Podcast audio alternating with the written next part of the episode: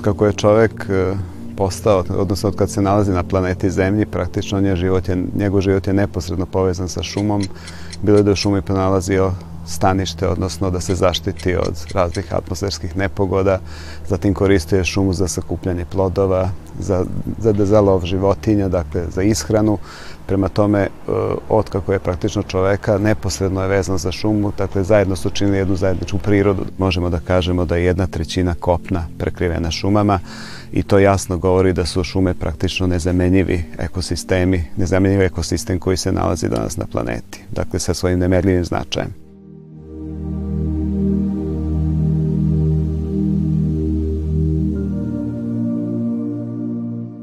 Danas na planeti Zemlji ima negde oko 4 milijarde hektara šuma, od kojih su praktično najviše se nalazi u Rusiji, negde oko 800 miliona hektara, zatim e, ima u Brazilu, potom Sjedinjeničkim državama, Kini, dakle to su zemlje u kojima je najveća šumovitost, odnosno najveće površine po šumama se nalaze upravo u tim državama. Kad pogledamo koliko ima po svakom stanovniku zemlje šuma, to je negde oko polovina hektara. Najveće površine šuma nalaze se u tropskom regionu, dakle u, u pojasu tropskih šuma, to su tropske šume, tu su prvenstveno dobri klimatski uslovi za rast šuma i uopšte za jedan biodiverzitet koji se tu javlja, dakle u povoljne uslovi klime, misli se prvenstveno na dovoljnu vlagu vazduha, dakle dovoljno padavina, izuzetno visoke, dobre visoke temperature, dakle tu praktično imamo izuzetno, da kažem, veliko bogatstvo svih vrsta i biljnih i životinskih.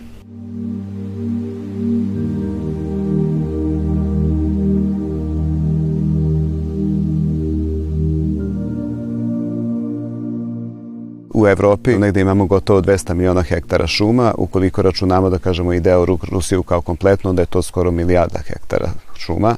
Dakle, izuzetno značajna površina. Evropske šume su tokom, tokom vremena bile podložene različitim promenama. Znači, u jednom momentu smo imali smanjenje, ali u stvari imamo sad jedan trend stalnog povećanja.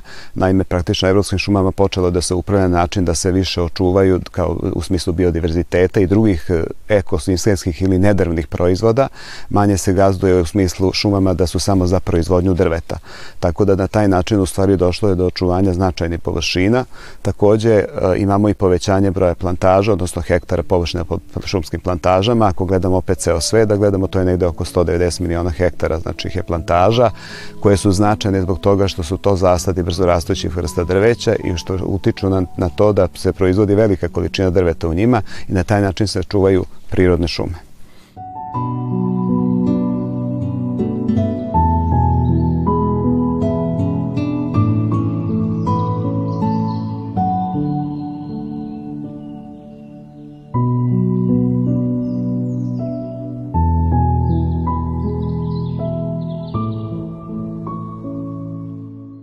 Možemo reći da praktično taj šumski pokrivač u svetu dakle ima određene da kažemo i povećanja i smanjenja u zavisnosti od perioda u kojem se nalazimo i u zavisnosti od toga kako se upravlja sa šumama ali evidentno je da postoji jedan trend smanjenja gde se, do kojeg u stvari dolazi iz razloga što imamo e, iskrčenje šuma radi, radi razvoja poljoprivrede i to smo imali zaista i u prošlosti.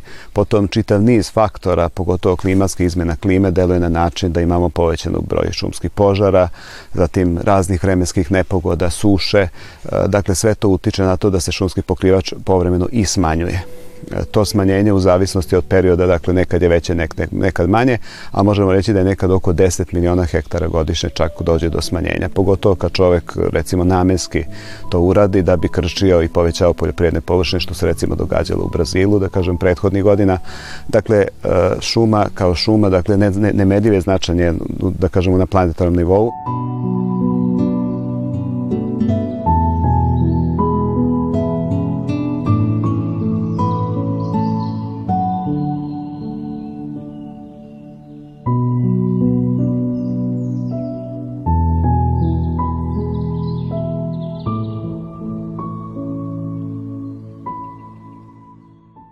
Balkansko poluostrvo je deo sveta, deo Evrope, koji je izuzetno bogat diverzitetom biljaka, životinja, gljiva i svega ostalog.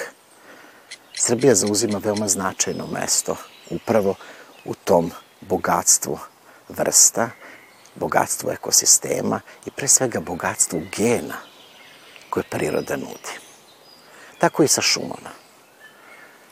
Nismo mi siromašni šumama u vrstama i u tipovima šuma, u biljnim zajednicama šumskog tipa koje imamo. Možda smo siromašni u nečem drugom, a ne bi trebalo tako da bude. E, kretajući se Sloveni su tražili pravo mesto za svoje naseljavanje. A mogli su da ga nađu samo tamo gde su imali dobre i neiscrpne resurse. Jedan od važnih resursa u civilizaciji, u rastu civilizacije je bilo drvo. Tamo gde je bilo šuma, moglo je da se napravi i naselje. Nije nepoznato da je zapadni deo Balkanskog poluostrava, pogotovo Jadranska obala, kao i uopšte mediteranska obala zbog stare civilizacije kompletno posečena od hrasta crnike, zimzelenog mediteranskog hrasta na kojima su podignuti šipovi, na kojima stoji Venecija, na kojima stoje, stoje rive primorskih gradova. Ali isto tako i u kontinentalnom delu, gde se i naša zemlja nalazi, ljudi su masovno koristili šumu. Ali šuma je njih privlačila ne samo kao resurs, privlačila ka ih je i kao jedan divan predeo gde može da se živi. Stari narodi su možda više od nas danas znali šta je važno sve za kvalitet života i gde je lepo i gde je čoveku ugodno da kao živo biće živi. Iz tih razloga su možda izabrali prostor koji je izuzetno bogat šumama. Jedan deo Srbije nosi takav i naziv, Šumadija. Ona je dobila ime baš zbog toga što je cela bila prekrivena šumama. Vremenom, površina pod šumama je polako smanjivana.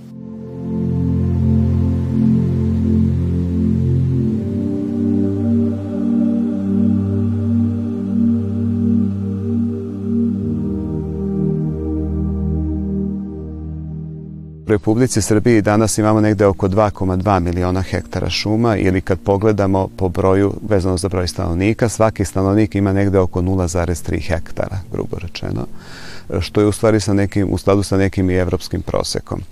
Od tih 2,2 miliona hektara možemo reći da polovina šuma pripada je u, je u državnoj svojini, dakle u javnoj svojini, a polovina praktično su privatni šumovlasnici. Dakle, 1,3 miliona broj 1,3 miliona stanovnika Srbije je vlasnik šume. Znači, to znači da imamo u stvari veoma male posede, dakle veoma male površine po šumama.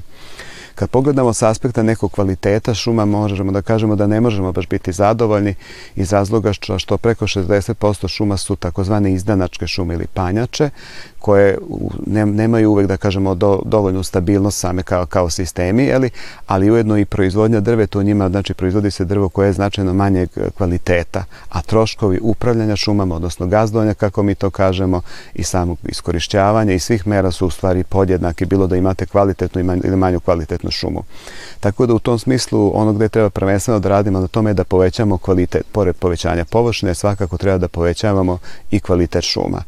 Što se tiče samih vrsta, znači u Republici Srbiji znači dominira bukva kao vrsta, zatim hrastovi, različiti hrastovi, bilo da je to u pitanju hrast lužnjak, kitnjak, sladun, cer i dakle ta čitava, da kažemo, grupa hrastova. Zatim imamo, znači, šume, recimo, četinarskih vrsta, recimo šume smrče. Imamo, da kažemo, i različiti plemenitih vrsta koje, su i koje imaju karakteristiku da imaju izuzetno kvalitetno drvo. Dakle, to su razni plemeniti lišćari, javor, jasen, e, divlje voćne vrste. Dakle, jedno pravo veliko bogatstvo, da kažemo, vrsta.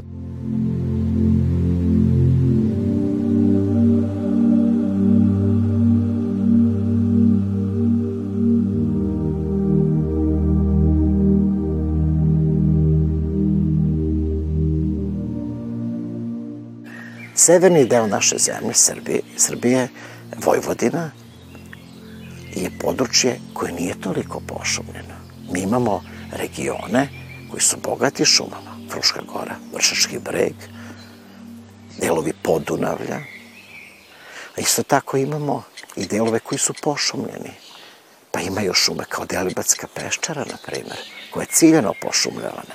Ali ako uporedimo sa prostranstvom Vojvodine, bogatim i velikim, nepriglednim oranicama, rećemo da taj procenat nije veliki. Hm, da li je to sada baš tako? E, realno, brojke kažu da jeste. Ali, sa druge strane, mi znamo da nama trebaju i njive isto tako, kao što nam trebaju i šume.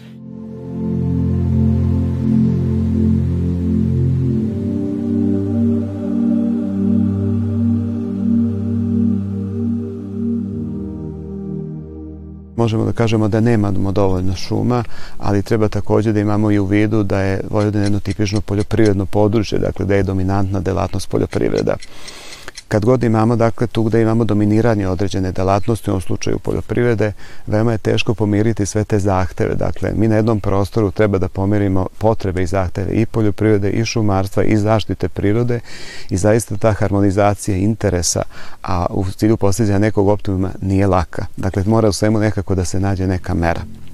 Što se tiče samih površina u Vojvodini, znači imamo negde oko 140.000 hektara šuma, po, kad gledamo po, s aspekta procenta šumovitosti negde oko 6,5%, prostorni planovi i Republike Srbije i pokrajine Vojvodine, odnosno regionalni prostorni plan pokrajine Vojvodine predviđaju značajno povećanje, gotovo dupliranje, znači površine po šumama. To je neophodno iz razloga da bi sve druge delatnosti mogli da kažemo da se razvijaju u nekoj, u nekoj održivoj formi, dakle da postignemo opštu održivost.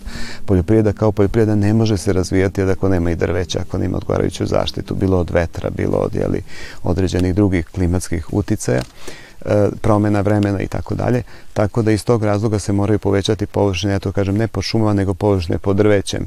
Bilo da su to vetrozaštitni pojasevi, bilo da su to, da kažemo, razne remize lovačke, zasade za pčelarstvo. Dakle, nije bitno kako se zovu u suštini, ali je bitno da, da je to drveće i da u stvari vrši svoju funkciju i da na taj način u stvari omogućava održivu i poljoprivredu. Jer poljoprivreda na velikoj površini na ovaj način gde nemamo malta ni jedno drvo nije održiva, neće moći dugo da opstane.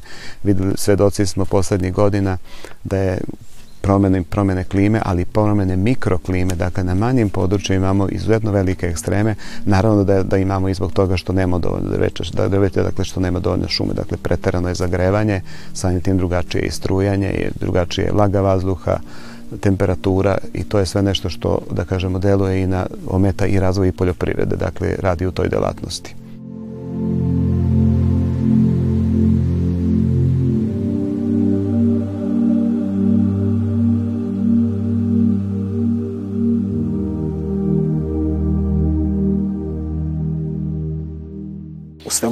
Moramo da pronađemo pravi balans.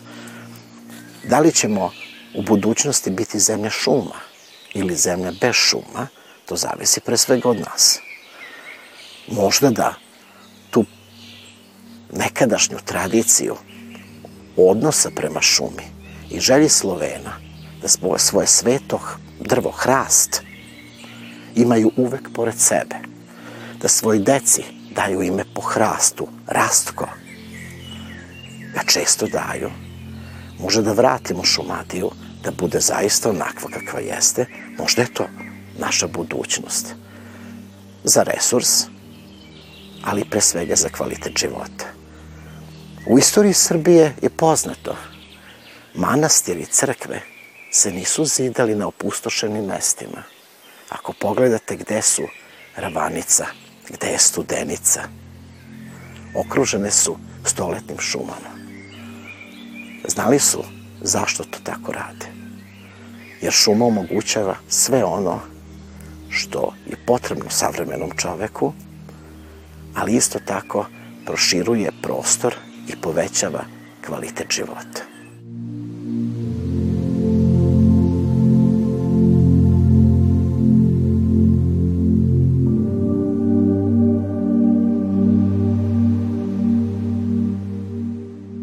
U Srbiji, znači, cilj je bio da oko 10% površine, odnosno 10% jeli, svih, da kažemo, naših tih sistema bude zaštićeno.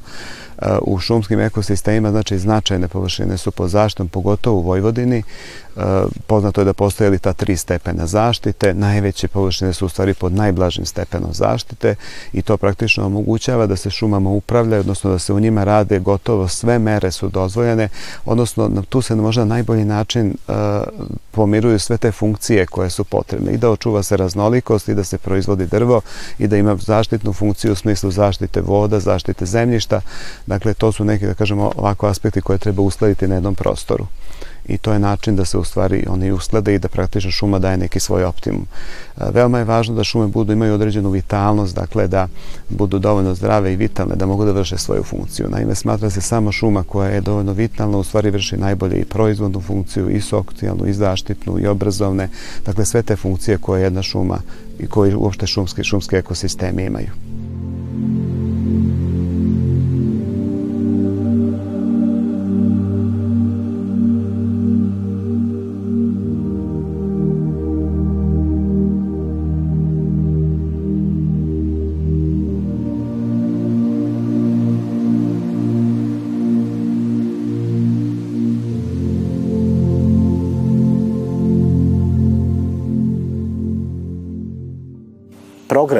Očuvanja šuma postoje, tendencije postoje, mislim da postoji i dobra volja. Možda kada bi se sve to zajedno udružilo, možda bi efekat bio i bolji. Možda bi zaista kola po šumadiji vozila botaničare koji bi išli isključivo kroz šumu, kao što je to nekada bio običajni model ši, e, vožnje, malo manje onim otvorenim putevima. Možda bi e, se više e, teritorije proglašavalo zaštićenim prirodnim dobrima, ukoliko bi imao takav jedan složeni ekosistem, a možda bi, možda bi jednostavno i moglo da se poveća taj veliki prostor, pa da zadovoljimo i taj kriterijum koji je u pitanju broj. Srbija kao zemlja ima izuzetnu šumarsku tradiciju. Šumarski fakultet u Beogradu je star 100 godina. Naši vladari u prošlosti darovali su često svoje privatne posede nauci, naučnim institucijama, baš zato da bi proučavali šumu. I nije to slučaj samo u Srbiji, evo u susednoj Crnoj Gori. Sve su to imanja koja su dodeljena na upravljanje i na korišćenje. Možda nismo iskoristili na pravi način. Možda smo ih pretvorili u turizam, a ne u objekte za istraživanje šume. Kao profesor mogu samo da podvučem. Što više budemo znali o šumi, bolje ćemo da ih štitimo.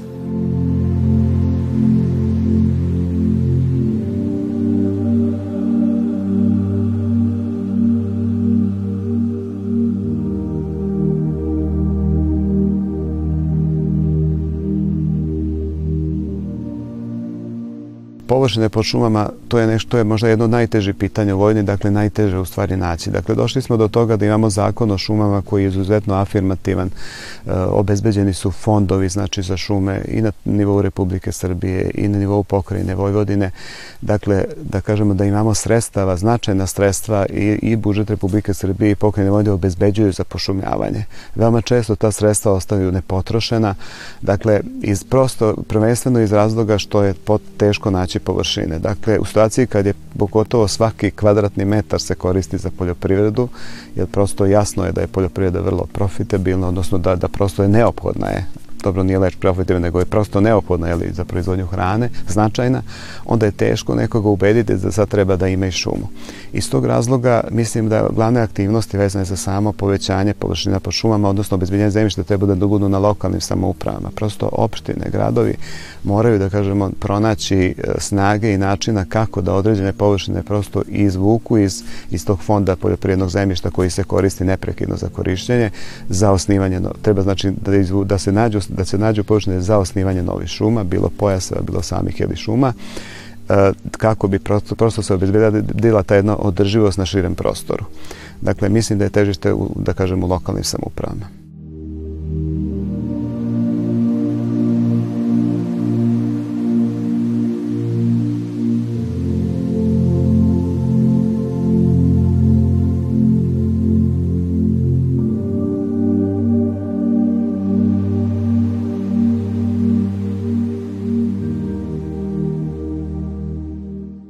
Deo površina koji nije obrastao šumom i je praktično često opredeljen i za zaštitu. Znači, konkretno pokrajinski zavod zaštitu prirode ima, da kažemo, svoje, da kažemo, posao kojim se bavi značajno određuje određene površine za čuvanje kao ekomrežu, zaštićena prirodna dobra, tako da značajne površine su i na taj način, da kažemo, izvučene, odnosno isključene mogućnost pošumljanja kako bi se ne bi narušila ta neka tradicionalna staništa, jeli, koja su tu, tu već dugo.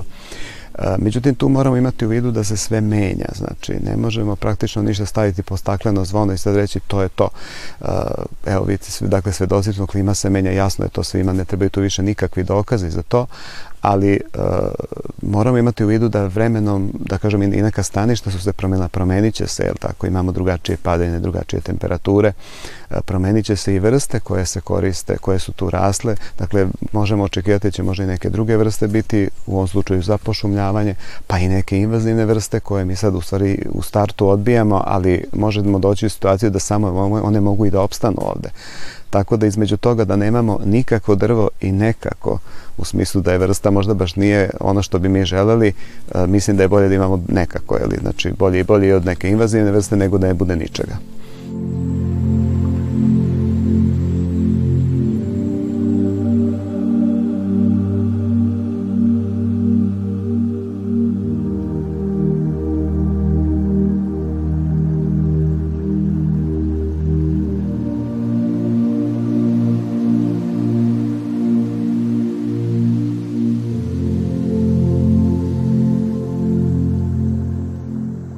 Na planeti Zemlji 10% šuma znači danas namenja je za zaštitu biodiverziteta, dakle za očuvanje raznolikosti, biljne raznolikosti u živog sveta i to je izuzetno značajno jer očuvanje raznolikosti je bitno zbog toga što praktično obezbeđuje opstanak u izmenjenim uslovima. Dakle, jednostavno, dokle god imamo veliku spektar vrsta, veliku variabilnost, veliku raznolikost i unutar samih vrsta, praktično to daje jednu stabilnost i omogućaje dakle, da se živi svet, da razvije, odnosno da nastavi normalno da živi uprkos izmenjenim bilo klimatskim, bilo nekim drugim jeli, globalnim uslovima. Deo šuma, značajan deo šuma namenjen je i za proizvodnju drveta i njima se naravno upravlja, da kažemo, u principima šumskog, šum, šumskog upravljanja, odnosno gazdovanja šumama.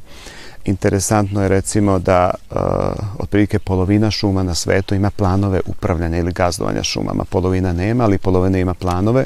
To podrazumeva da u stvari uh, je šuma premerena, da je organ, napravljena jedna prostorna organizacija, da se planski sprovode mere, nege, seče i sve uopšte što je potrebno da bi jedna šuma opstala.